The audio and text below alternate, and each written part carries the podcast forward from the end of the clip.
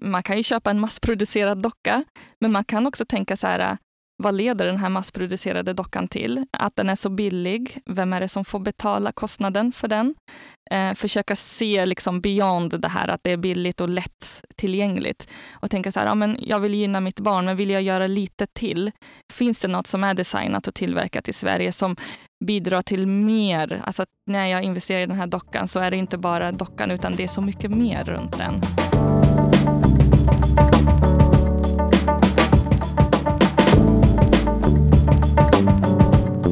Välkommen till Slow Fashion-podden. Jag heter Johanna Leiman och med mig idag har jag Fatma Gitu från Watoto Arts. Och vi ska prata dockor, textil, mångfald och representation.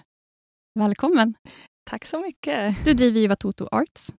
Berätta, vad, vad gör du? Och, eh, eller ni, ska jag kanske till och med säga.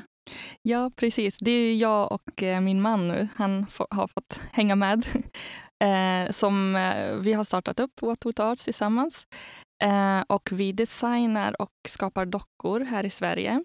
Dockorna ska representera alla barn, så våra dockor kommer i olika hudfärger, hårfärger, olika familjekonstellationer, eh, olika funktionsvariationer och man kan dessutom eh, skräddarsy sin egen lookalike dockfamilj som ser ut som ens egen familj. Mm.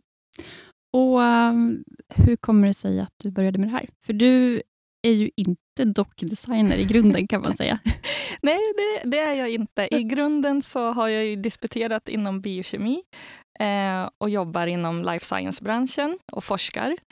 Eh, men det var under min föräldraledighet. Ehm, när jag fick barn så började jag tänka mycket på vilket samhälle barnen ska växa upp i. Både vad gäller liksom deras, eh, hur de känner sig representerade, men också liksom samhället vad gäller miljön och hållbarhet också. Och det var i samband med att vi gick in i en leksaksbutik och jag skulle köpa dockor för mina barn. Och Då såg jag hur det verkligen såg ut. Att Det var eh, många dockor som var massproducerade långt bort härifrån. Det var väldigt homogent utseende och även skevt eh, kroppsideal. Eh, så vi åkte hem och så tänkte jag men det här måste, det är ett problem som måste lösas. Och då kan jag försöka göra det. Och jag har alltid älskat att hålla på med, alltså skapa med händerna. Eh, och jag hade tyger hemma, så då satte jag mig ner och tog fram min symaskin och sydde dockor för mina barn. Det var så det började. Mm. Och eh, Jag läste en intervju med dig där du sa att även när du var liten så tänkte du på på de här sakerna? Ja, men precis. Alltså, jag har många bilder från födelsedagar och så vidare där um, jag står med min blonda Barbie-docka liksom, som både varken liknar mig eller har liksom, kroppsidealen är ju väldigt liksom, skeva. Och jag vill inte att mina barn ska Alltså nu har det ju gått 30 år och det ser fortfarande likadant ut och jag ville kunna erbjuda någonting annat. Eh, som dessutom är också designat och tillverkat i Sverige. Att det är liksom den hållbarhets och miljöaspekten också. För det, det hör ju också till barnens framtid. Att vi försöker liksom bevara planeten för dem också. Så vi försöker jobba liksom från olika, tackla det här problemet från olika håll. Dels att barnen ska kunna känna igen sig, men också att vi erbjuder dem någonting som är schysst. Mm.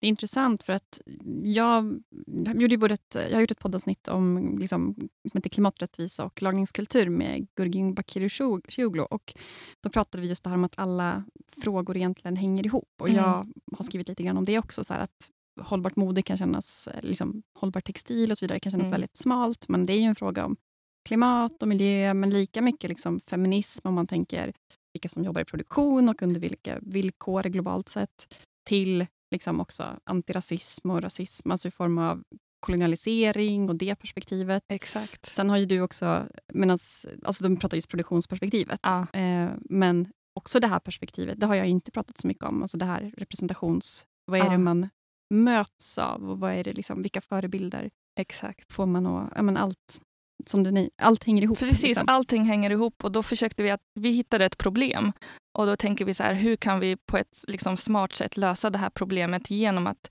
gynna så många som möjligt. Eh, gynna miljön, skapa sysselsättning och gynna till exempel nyanlända kvinnor i Sverige eh, som är superduktiga på att sy, men allting har blivit outsourcat.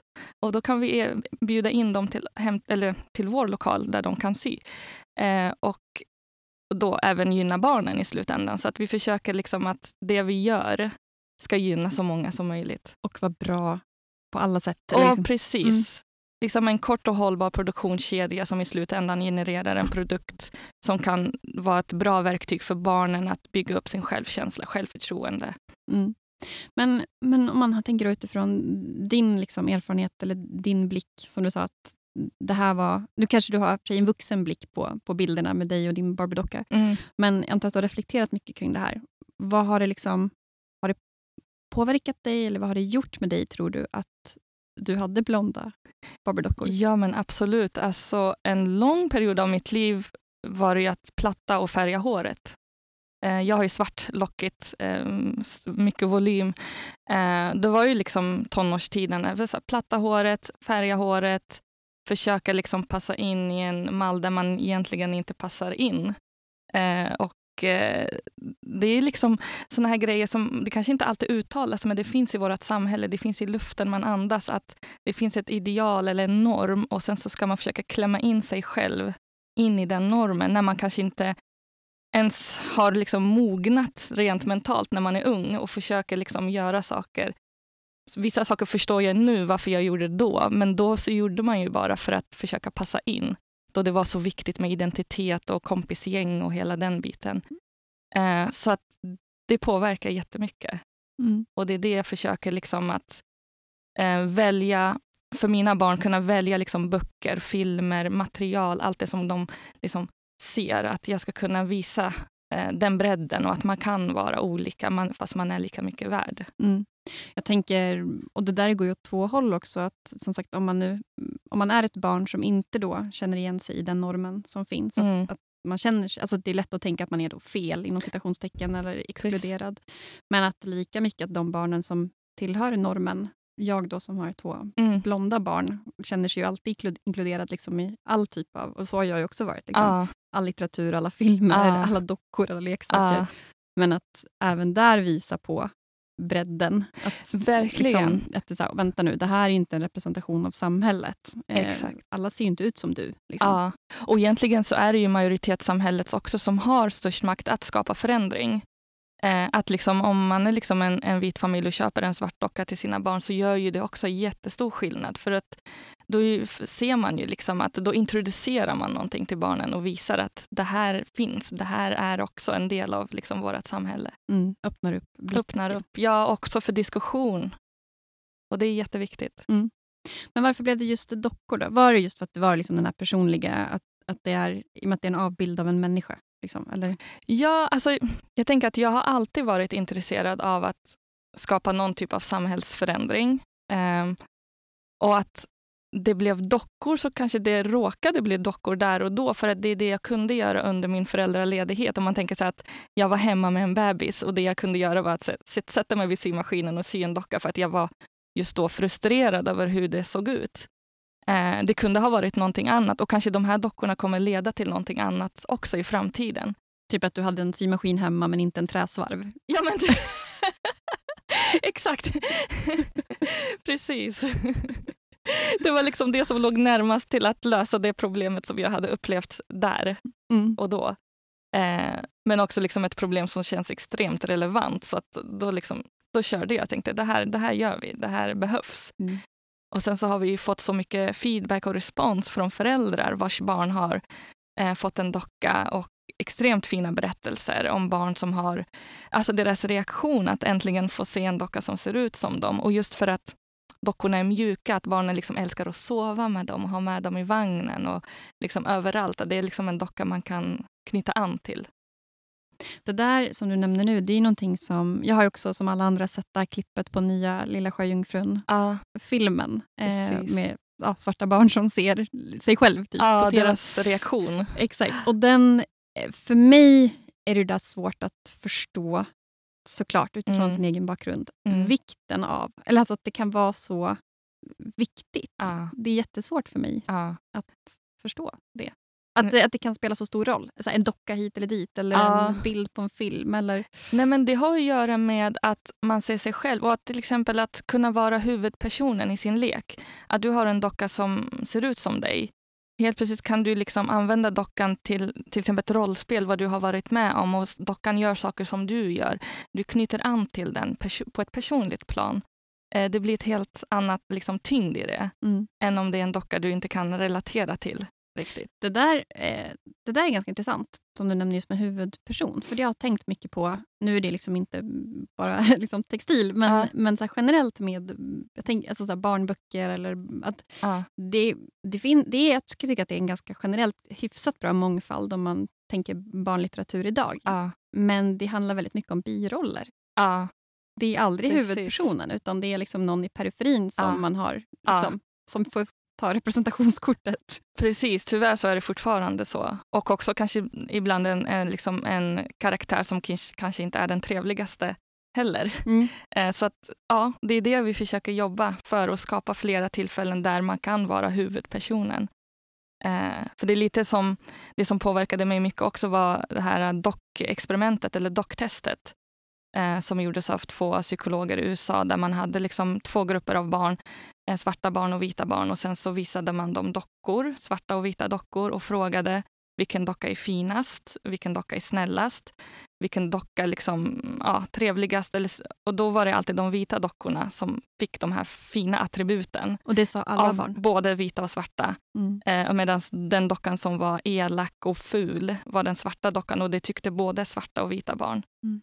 Och men när man frågade svarta barn vilka, vilken docka liknar dig så pekade de på den svarta dockan. Fastän den fick alla de liksom dåliga attributen. Så det är hjärtskärande att se. Och att det, den här experimentet har också repeterats och ger fortfarande samma resultat. Att det är så, även om man är fyra år så sitter det i ens självkänsla? Ja, och även idag. För mm. det här mm. gjordes på 40-talet, det första liksom, testet. Eh, så att vi har en lång väg att gå fortfarande. Mm. Så då kan vi enas om att det är inte bara en docka det är, ett, det är därför vi försöker säga att det är ett verktyg. Mm. Det är inte bara en docka. Det är så mycket mer. För att barnen i, i, när barn är små så kan dockor användas till så mycket mer än bara... Alltså det är ju lek, men man kan också använda dockan för att diskutera, för att göra rollspel, för att kunna prata, för att visa exempel på händelser. Och Då är det ju så ett ypperligt tillfälle att använda en docka istället för att man själv som vuxen ska stå där och berätta. Det blir så mycket enklare. Mm. Men är det det här som är, är liksom är det den, hela den här bakgrunden som gör att... För det är ett ganska stort steg att gå från att sy en docka till sitt barn när man är föräldraledig eh, utifrån liksom det yrket du har till att så här, oj, det blev ett helt företag. Ja, men precis. Och då kanske det är viktigt att säga att det här är något som har vuxit långsamt och organiskt. Det var under min förra föräldraledighet. Vilket år var det? Det var 2019, det var coronatiden. Mm. Ja, precis. Det var då. Sen gick jag ju tillbaka och arbetade heltid. Och då höll jag på med Watoto Arts på kvällar och helger. Eh, mest via Instagram. Um, och Det var lite som en så här testbubbla, ett experiment. Jag hade väldigt mycket liksom, Eh, jag kunde liksom fråga mina följare och kunder så här, hur vill ni och vad, vad får, jag fick en massa bra feedback och hur kan vi fixa det här och hur kan vi förbättra allting. Så det var ett väldigt bra liksom, en testbubbla.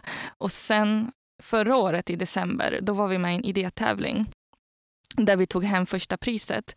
Och efter det så började vi tänka mer så här, ja, men det här kan ju bli ett bolag. För då kände vi att vi fick ännu mer förtroende från andra, från näringslivet, som sa så här, men kör, det här är ju inte liksom, det omvandla från hobbyverksamhet till ett bolag. Och det var ju nu i januari mm. i år som vi liksom gjorde den omvandlingen och nu har vi en webbshop där man kan köpa dockorna.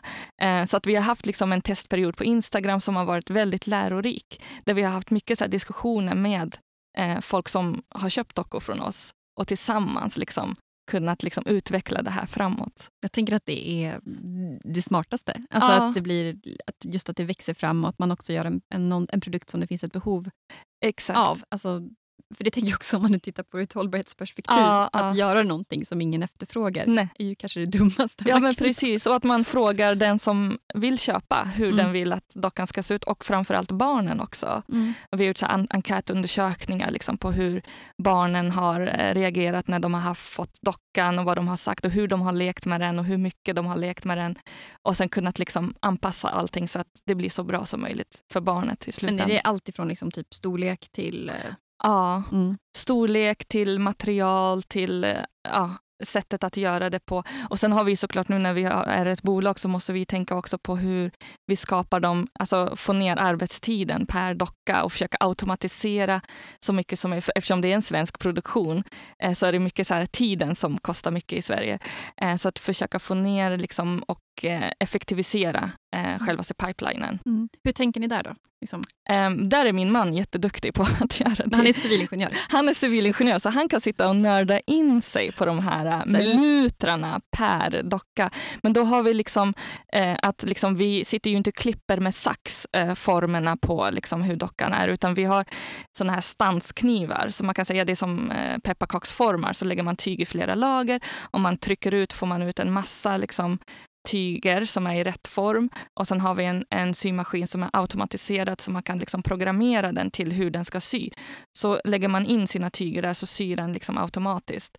Så vi försöker ha så mycket så hands-off. Och det är dels för att det går snabbare men också för att dockorna blir mer, eh, alltså att liksom att de, inte kan, alltså de får en jämn form kan man säga eftersom att det inte är en människa som gör så kanske det ser lite annorlunda ut från vem som gör den. Som är kvali alltså kvaliteten blir ja, jämnare? exakt, så kvaliteten blir jämn. Eh, så att det är mycket där vi, vi har ändrat när det har varit liksom en hobbyverksamhet till, att, till nu. Mm. Eh, så att det, ja, det är jätteroligt. Han, han kan sitta och liksom pilla med liksom små detaljer här och var och det har blivit hur bra som helst. Men hur mycket kan man... För jag tänker, man, ni skräddarsyr dem. Alltså ni har ju mallar eller former men ja. sen kan man ju styra väldigt mycket när man beställer. Precis. Eh, just de här, till exempel om man ska ha en lookalike dockfamilj så får man ju välja hur familjen ska se ut vad gäller hårfärg eh, och hudfärg. Eh, och sen så när det är funktionsvariation, där, där är det ju ännu mer eh, att man kan välja mer fritt hur eh, dockan ska se ut. Eh, och då, då är det en diskussion med kunden, att vi kommer överens att de kanske ibland skickar bilder eh, som vi utgår ifrån. Eller att vi liksom kommer överens liksom via chatt eller mejlkonversation. Mm. Men säljer ni bara till liksom hittills privatperson? För jag tänker att det här känns ju som klockrena liksom ställen alltifrån förskolor till liksom, eh, BUP till rehab. Eh, liksom. Precis. Alltså, jättemycket offentligt liksom, ja. där man möter olika typer av barn. Ja men verkligen. Nej, men vi, har, vi har många planer och, eh, och många liksom mål som vi vill nå upp till. Nu fokuserar vi mest på vår e-handelsplattform. Eh, tanken sen är att gå över också till återförsäljare och förskolor och så som du nämner. Alltså för att tanken är att kunna nå ut till så många barn som möjligt för att kunna skapa den här positiva samhällsförändringen. Att så många barn som möjligt ska kunna få tillgång till en docka. Eh, så det är planen. Mm. Men det är bara vi två som driver det här, eh, plus kvinnorna som syr tillsammans med oss. Så det är liksom, man måste ibland prioritera vad det är vi liksom gör först och sen så gör vi nästa. Så mm. vi kan inte liksom göra allting på en gång. Jag tänker också, ni har ju inte haft så mycket tid Nej, än. Nej det är nu i år från januari, plus att eh, jag fick ju barn 10 maj. Mm. Eh, så att eh, det är fullt ös hemma hos oss. Ja. men, men på tal om det så pratade vi lite innan om att ni har också byggt, det känns ju också som, som inspiration till den som lyssnar, just det här livsstils... Eh, jag tänker ni är också ganska representativa för liksom, den vanliga egenföretagaren i Sverige. Mm. Det är ju mm. typ du och jag. Alltså, så här, ja. Det finns siffror på att 96 procent av alla företag i Sverige drivs med under 10 anställda. Eh, de flesta är typ ensam eller ja. väldigt få. Det handlar mer om att skapa ett arbete som är eh, som passar ens liv än att bygga nya Spotify. Vilket vi, på tal om normbrytande, ah. det pratar vi aldrig heller om riktigt. Utifrån så här, media och så vidare, att det ska ah. vara så himla stort och skalbart. Och, Medan då ni säger vi vill göra det här, vi ah. vill ha produktionen så att vi kan gå hemifrån. Ja, men precis. För att få ihop hela barnlivet. Mm med liksom, eh, en femåring, en treåring och en fem månaders bebis eh, så måste man ju anpassa. Men jag tänker liksom, det är klart man måste anpassa till hur livet ser ut nu och sen kanske ha mål till hur man vill att det ska bli sen. Eh, men det går alltid att börja någonstans. Man behöver inte vara nya eh, Spotify på en gång mm. eller alls överhuvudtaget utan man gör det som passar en här och, och nu. Mm. Och jag tänker också att det är inte, jag vill också kunna liksom visa att det är ju inte omöjligt att, att starta företag mitt i den mest hektiska småbarnslivet heller.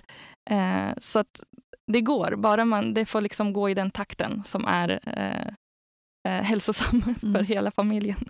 Men och att också, det knyter ju an lite grann till, till, vad, du, till vad du gör med dockorna, men Mm. det här med förväntningar och normer och vems normer, vems förväntningar.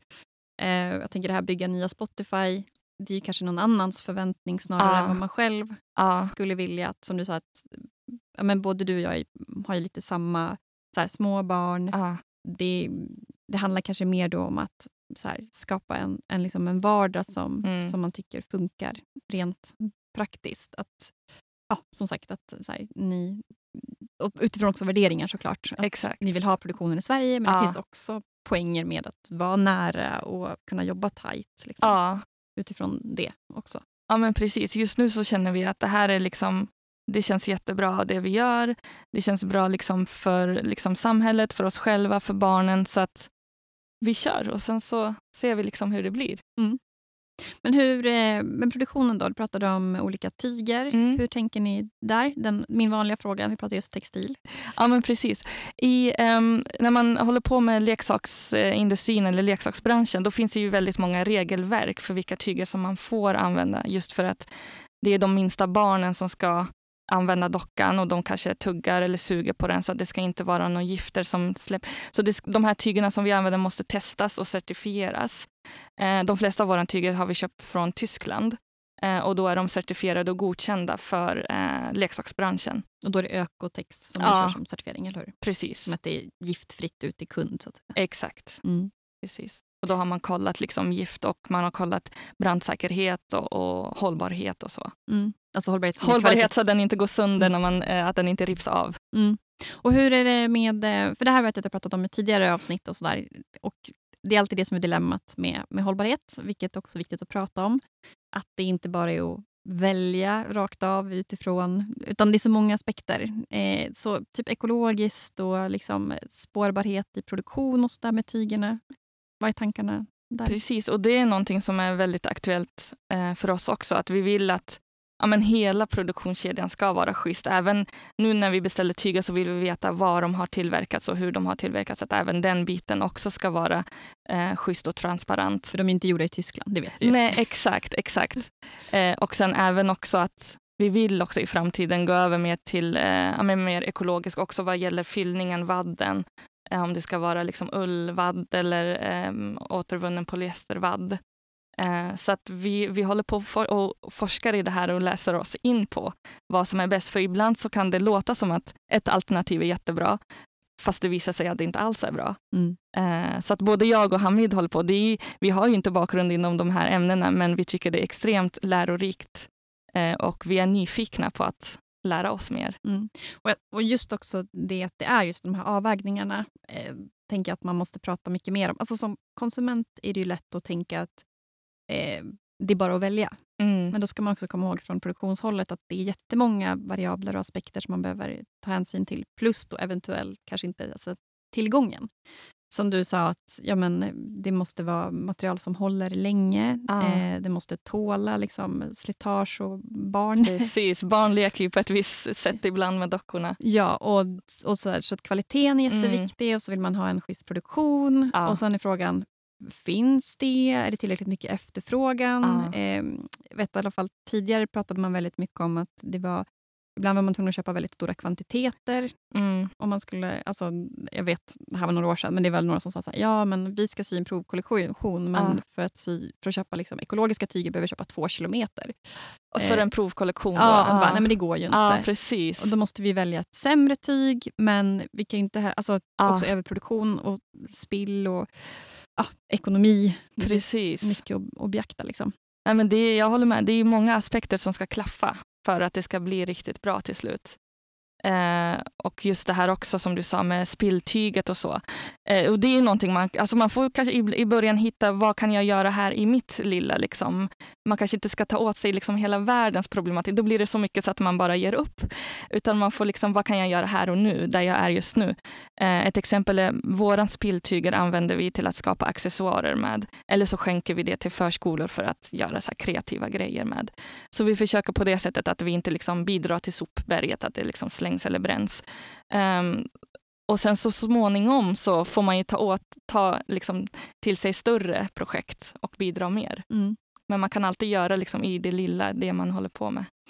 Nu kanske inte är aktuellt än eftersom ni inte har funnits så himla länge, men jag tänker om, om dockor går sönder och... Precis. Och då tänker vi ha en eh, dockreparation helt enkelt. Att man kan skicka dockan tillbaka till oss eh, och få den reparerad. Den får åka på sjukhus? Den får åka på sjukhus och få lite summar eller vad det nu den behöver. och sen kommer den tillbaka och kan användas längre så att man kan liksom behålla sin docka längre. Och jag vet att barn kan bli väldigt fästa vid en, liksom, ett, en mjukis. Att om man liksom sover med den och har med sig den eh, så vill man ju liksom inte helt plötsligt att den är så pass sönder att det inte går att använda längre. Utan det går ju att laga. Mm. På tal om det, jag antar att man också behöver göra en docka som kan tvätta i, tvättas i maskin. Den här går att tvätta. Ja. ja precis. Det går att tvätta våran i maskin. Så att, mm. Eftersom de är tygdockor så är det bara antingen att slänga i maskin eller typ eh, tvätta för hand. går mm. också bra. Så på tal om just det här med avvägningar, att då behöver man också ha material som tål ja. den typen av grejer och Exakt. fyllning. Och... Ja, precis. Det är, det är många aspekter. som ska, men man ska inte låta sig bli för rädd. Alltså det funkar. Mm. Det funkar, så att det, det går. Vad härligt. Men en fråga där. Har det varit självklart hela tiden att tänka på alla de här sakerna? Ja, alltså, så små, eftersom det var, som sagt, vi, vi har haft, liksom, man ska kalla det för lyx, alltså det var en liten hobbyverksamhet. Så jag hade ju tid att sätta mig ner och förstå hur saker och ting hänger ihop. Jag hade inte den här pressen att producera, att liksom i början. Mm. Eh, så då kunde vi liksom sätta oss ner och tänka så här, okej, okay, men vi vill gynna barnen. Men barnen ska ju också, det är ju de som ska leva vidare i vår planet. Så att vi kanske, om vi gynnar dem med en docka som är massproducerad i, i Asien, då är det ju inte, det är en björntjänst. Mm. Så att ska vi göra liksom en, ett riktigt schysst arbete så måste vi tänka på alla aspekter. Samtidigt är det ju också normer att man ska leta produktion utomlands. Eller på tal om det här med förväntningar, ni har inte drivit företag innan man kanske får något gott råd. Det har ju jag, jag hade ju ett smyckesmärke under ja. tio års tid. Så fick jag liksom, kom det medelålders män ja. Som var så här, jag driver bolag i många år och du borde verkligen skita i det med transparens och social hållbarhet. Och du kan få mycket bättre marginal om du liksom googlar dig fram till en fabrik i Kina. Och jag, det här var liksom i början. Jag var så här, Ja, jag vet inte. Ah. Eh, och så, jag hade mina värderingar, men ah. det är så lätt att tappa bort sig själv ah. när man får det, det goda rådet. Exakt. Eh, det krävs ju självkänsla. Bara så här, okay, Ja, skit i det. Jag ja. tror inte på dig. Ja men precis, de här medelålders männen har jag ju också stött på. Men jag tänker så här, det, det, är ganska outdated det de säger. Alltså, jag, vet inte, jag vill önska, eller jag vill tänka att vi, vårt samhälle har, är på väg bort från det där. Att det där är en annan generation och nu är det generationen Greta som är mm. mer liksom påläst, mer, först, mer förstår mer och eh, vill mer. Samtidigt eh, har vi ju, förra avsnittet handlade ju om Shein. Och jag vill säga att vi är allt som Kin inte är. Vi är liksom helt tvärt emot. Och som sagt, precis, det verkar vara två parallella linjer. Att det finns liksom generation Greta, sen finns det den generationen som vill köpa saker från eh, Kin. Eh, och, och, och, att liksom, vi är liksom helt tvärt emot vad det där är. Och vi vill kunna så här, berätta, även för de som kanske inte är medvetna, hur bra det är och vilken tjänst man gör till samhället, till miljön, till mm. barnen genom att Mm. Investera i någonting som är producerat lokalt. För att du får ju inte bara en docka, utan den här dockan genererar arbete till exempel till kvinnor, nyanlända kvinnor som är superduktiga på att sy. Och då tänkte jag också på din skräddare mm. eh, som också var jättepassionerad och älskade att sy och var superduktig. Som jag skrev om på Instagram. Ja. Exakt. Ja. Och då tänkte jag, det finns hur många som helst såna i Sverige, men de har hamnat i någon loop av utbildning, praktik, tills liksom deras motivation helt dör ut för att de får inget jobb inom, i alla fall in, inom textilbranschen. Det mesta är outsourcat. Så vi har hittat ett gäng kvinnor som är superglada över att kunna göra det de älskar. Och de kanske inte pratar svenska eller pratar inte bra svenska, men det är inte liksom målet just nu. Målet är att de får känna sig viktiga, att de får känna, sig, att de, får känna att de gör det de är duktiga på.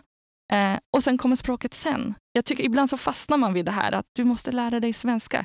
För att, men du kan inte ha så höga krav på någon som är 50 år som har flyttat till ett nytt land och har ett bagage av både jättebra ex, eh, liksom erfarenhet men också kanske saker som är jobbiga och tunga. Man måste liksom förstå det. Och jag tycker att, jag, vet inte, jag och Hamid har en bakgrund, vi är andra generationens invandrare, så vi kan relatera till det här och förstå att det, här, det finns ett behov även där. Och vi vill även där kunna hjälpa till. Mm. Eh, så det känns liksom Eh, det känns fint att kunna se de här kvinnorna göra någonting som de är superduktiga på. Hur glada de blir över att få göra det. Mm. Och eh, som du säger, att det finns ju utifrån er att det här är liksom en värdering och det känns här, att ni drivs av de här sakerna. Men jag tänker också, vi pratar om det här med framtiden och liksom bygga företag och sådär, att det också är... Jag tycker att man också kan koppla till det till en varumärkesfråga. Mm. Alltså, jag, här, nu jobbar jag med de här sakerna, men om det är så att ni skulle prata om mångfald och representation och sen skulle ni producera era dockor eh, så här, med liksom, på, ja, i en fabrik Mm. med liksom, löner man inte kan leva på, Mm. där vi vet att det med största sannolikhet är bruna, svarta Ja. kvinnor som gör det. Ja. För mig finns det ingen trovärdighet Nej, i, i det. precis. Eh, för det är lite det jag menar med att prata om så feminism och rasism, kopplingen till just textil och mode. Exakt. Alltså hur produktionen ser ut. ja. liksom. Man måste kunna stå för det man vill förmedla. Helt Ja. enkelt hela ledet Mm. helst. Så för mig är det så här, ja, men pratar vi liksom trovärdigt varumärke, då kan Ja. man inte så här, utåt sett bara, det är så himla viktigt Ja. att inkludera alla människor. Bara. Men vi vill gärna utnyttja folk Ja, för att i produktionen. Ja, ja men verkligen. Det är liksom återigen det här pratet om närhetsprincipen, att det som tillverkas långt bort ifrån oss, de människorna kan vi inte relatera till eller vill blunda för. Eh, och återigen, eftersom jag och Hamid, vi har, alltså jag har själv, jag har vuxit upp i Algeriet, jag har sett de här sopbergen. Jag har sett gatubarnen leta i sopbergen. Jag har sett vad den här massproduktionen kan leda till i länder i Afrika. Eh, det har varit liksom väldigt nära mig. Eh, så att jag vet inte, jag kan relatera till det och jag vet hur viktigt det är och hur nära, liksom, vad det, hur det påverkar familjer och byar. Eh, så att jag vill verkligen inte liksom, att vi ska säga men vi har dockor som är, representerar alla barn men vi tillverkar dem eh, där borta. där. Ja, precis. Så vi försöker liksom att vara transparenta och schyssta i alla led. Så pratar man alla barn, då ska vi prata alla, Alla barn, Ja. verkligen. Mm. Precis. Ja, men vi pratar ju om representation och mångfald genom dockorna. Om man liksom lyfter upp det lite, lite mm, högre upp, Mm. så. nu har vi varit och touchat det lite grann. Men vad, vad tänker du kring liksom allmänt, nu när du både har gett in i liksom driva företag-världen och Mm. sen också det här med liksom textil, nu inte mode, men Mm. leksaker av textil. Ja, Vi touchar ju ändå liksom de här ämnena. precis. Är det, vad tänker du kring, generellt kring just representation och eh, mångfald? det, jag tänker att det, det finns ju så många lager. Rent själva så det här bolaget som vi har skapat, att Mm. jag, en kvinna, andra generationens invandrare, barn, eh, liksom, eh, mamma till tre barn. Det är också en, en representation där jag vill kunna visa för andra att det, det går, du kan. Eh, och vi ser likadana ut, att du liksom satsar på dina drömmar. För det var ju också en del att när jag växte upp så var det svårt att hitta förebilder eller någon som liknade mig som gjorde någonting eh, som jag kunde så här, relatera till att den här personen vill jag, liksom, det är min idol, jag vill kunna göra så. Så att jag tänker just det här är också viktigt och sen att vi skapar dockor som också kan användas av barnen och känna igen sig i alla liksom, barn. Eh, det är en annan liksom, representationsaspekt. Eh, sen att vi bjuder in kvinnor till vår lokal där de kan sy dockor. Det är också så här att de kan ju liksom vara förebilder så för sina barn och för, liksom sin framtid. Eh, Så att vi försöker jobba liksom i flera lager, flera aspekter. Jag vet Mm. inte om jag svarade rätt på din Jo, fråga. men jag, jag tänker också från mitt perspektiv att eh, som eh, ja, utifrån vem jag är och hur jag ser ut ja. och vad jag heter eh, så kan ju jag känna väldigt mycket att det är väldigt mycket jag. Mm. Alltså, så här, Mm. Framförallt i liksom hållbart modevärlden. Ja. Eh, men också, jag pratade med en, en kompis om det här och jag var så här, varför är det så otroligt varför är det bara sådana som jag typ som, Ja. som syns när vi pratar om second hand eller vi Just. pratar om hållbart mode? Ja. Och hon, hon jobbar inom mode hon bara tittade på mig och var så här, ja men det är för att modevärlden ser ut på det sättet. Det här är liksom bara essensen ytterligare av, så här, det är så textil ser ut, man tittar på modemagasin eller Exakt. eh, ja, Ja. att det, liksom, det är ett problem. Eh, och jag kan ju känna, det är inte ett problem för mig, men jag kan ju känna att det är tråkigt. Men precis. Och jag tror då om man har liksom en sån position att man kan vara den som öppnar dörrar, öppnar fönster, öppnar liksom möjligheter, bjuder in så som du bjöd in mig idag. Att det också gör mycket, för då syns ju andra. För att om man själv har den positionen att kunna reacha out till de som inte syns, då kan man ju göra det och det är det bästa man kan göra. För att nummer ett är att man blir medveten, så där som du blev. Att man inser att ja, men jag är i den här äh, homogena bubblan. Och nummer två, efter att man har blivit medveten, är vad kan jag göra för att eh, bidra? Hur kan jag öppna dörrar? Hur kan jag reach out till andra? För att i dagens samhälle, alltså med sociala medier, det är lätt att hitta andra personer som man skulle kunna hjälpa på trav eller bjuda in eller liksom fråga så här, hur kan vi hjälpa varandra? Jag ser att du gör det där, hur kan vi utbyta erfarenheter? Och det är just det här att skapa de här mötena som är jätteviktiga. Så att det är liksom där vi mm. är. Liksom. Ja, tänk också där, hur, vad är det man liksom exponeras för? Alltså som mm. du säger, man har liksom, så är det väl alltid när man tar på sig glasögon, om det är genusglasögon, ja. eller klimatglasögon eller mångfaldsglasögon. Mm. Att man väl har fått på dem så börjar man se ja. Det. Alltså till att vet, man sitter i liksom, ett rum och så kollar man på scen och så bara liksom, ryggradsmässigt så börjar man räkna hur många män, hur många kvinnor. Ja hur många med liksom, ja, allt annat än liksom supersvenska namn ja. är det och, och så vidare. Eh, eller klimatglasögon. Ja. liksom, att de sitter där. Precis. Men att då blir det så tydligt också för vad man exponeras för. Alltså när man börjar ha dem så börjar ja. man se massa saker. Eh, och jag tänkte på att första gången jag hörde talas om dig mm. var ju för att jag läste ett reportage om dig i Vi-tidningen. Ja. Eh, och den som de flesta tidningar så mm. tycker inte jag att man är så jättebra på att lyfta olika personer. Det är också att kolla hur mm. journalistkåren ser ut. Om man mm. tittar liksom på sidan med ja, Namnen. vilka som skriver för olika medier ja. så är det ganska här, mm. tydligt.